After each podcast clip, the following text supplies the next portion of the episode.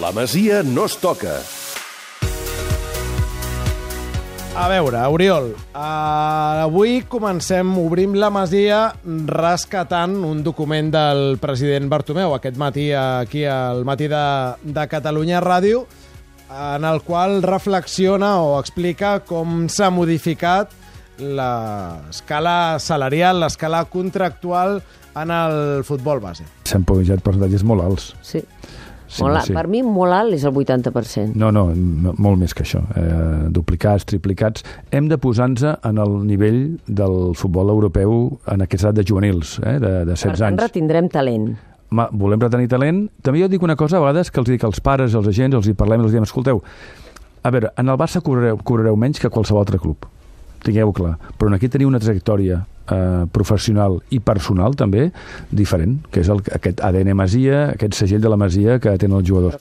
L'Oriol fa cara de no, no comprendre gaire o no combregar gaire amb el que ha explicat el, el president.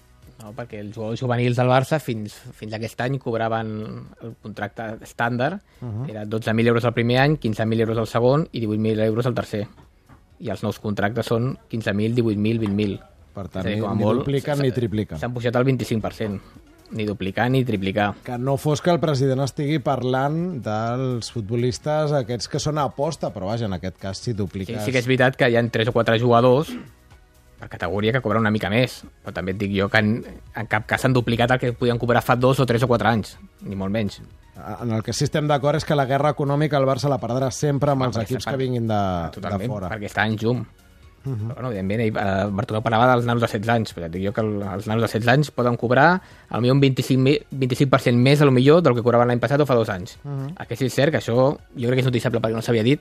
Les clàusules dels jugadors juvenils eren de 3 milions sí. i aquest any ja en començaran a ser de 6 milions. Sí, jo crec que això, ara no em vull equivocar, l'Esport al Mundo Deportivo van publicar sí? fa, fa pues algunes ja, setmanes. Ara els jugadors, els jugadors juvenils que comencen aquest any de juvenil i estan firmant amb clàusula de 6 milions. De, de tota manera, això, mm, per, perquè la gent ho entengui, no resoldrà el problema dels cadets que acaben i, i o sigui, el problema és l'impàs Però sí, sí, sí que et pot evitar, per exemple, un Emboula que marxa a Mónaco per 3 sí. milions, això sí. que el club que vulgui fitxar un jugador juvenil que n'hagi de pagar 6... S'haurà bueno, de pensar, s'haurà de pensar una mica més enrere que no pagant només 3 milions. Bé, en tot cas... També, també et dic que quan parlava de la projecció professional que diu que, que li diuen als pares que és molt millor al Barça, això ho poso en dubte perquè si estem dient que l'últim jugador que s'ha construït al primer equip és Sergi Roberto i estem parlant del 2011, la projecció professional dels jugadors que se'n van fora és molt més fàcil que no la del Barça. Uh -huh. sí, Boula l'altre dia ja va marcar el seu primer gol amb el Mónaco.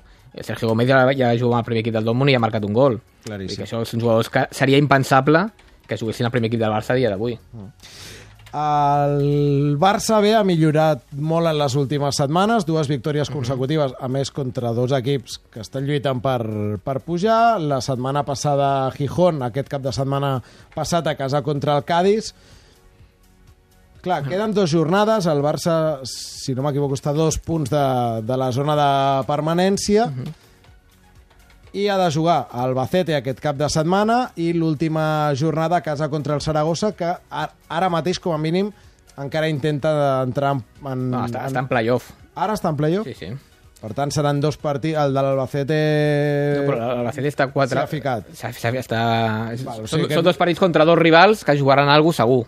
Tant l'Albacete per no baixar, com el Saragossa, si ja està en playoff, per, ja se sap que la segona divisió, com més amunt quedis, millor. Per jugar la tornada a casa, perquè en cas d'empat no hi ha penals, sinó que el que està millor classificat és el que pujaria a primera, mm. i per tant són dos partits complicats. Fa dues setmanes el Barça era un miracle, estava a 6 punts a la permanència i quedaven només 12 punts en joc, després ha guanyat el Meulinon menys eh, miracle, i ara és més factible. Eh, tot i així, jo crec que el Barça bé, eh, amb 4 punts no se salvarà. Ha de guanyar I, igual que et dic amb 6 se salvarà segur, uh mm-hmm. -huh. Amb 4 veig complicat, per tant, tot passa per guanyar el camp de l'Albacete i a casa contra el Saragossa, que són dos partits, ja dic, complicadíssims, perquè l'Albacete casa és potent i el Saragossa té un equipàs. Si ens quedem amb aquest titular de l'Oriol, si el Barça fa els 6 punts, ell està convençut que se salvarà, cosa que fa 3 setmanes era impensable. Sí, perquè al final hi ha 7 equips que estan lluitant per la permanència, uh mhm. -huh. és impensable que els dos o tres que estan per sobre del Barça B també guanyin els 6 punts. -huh. Només que en guanyin 3 ja superaria el Córdoba i possiblement la Cultural.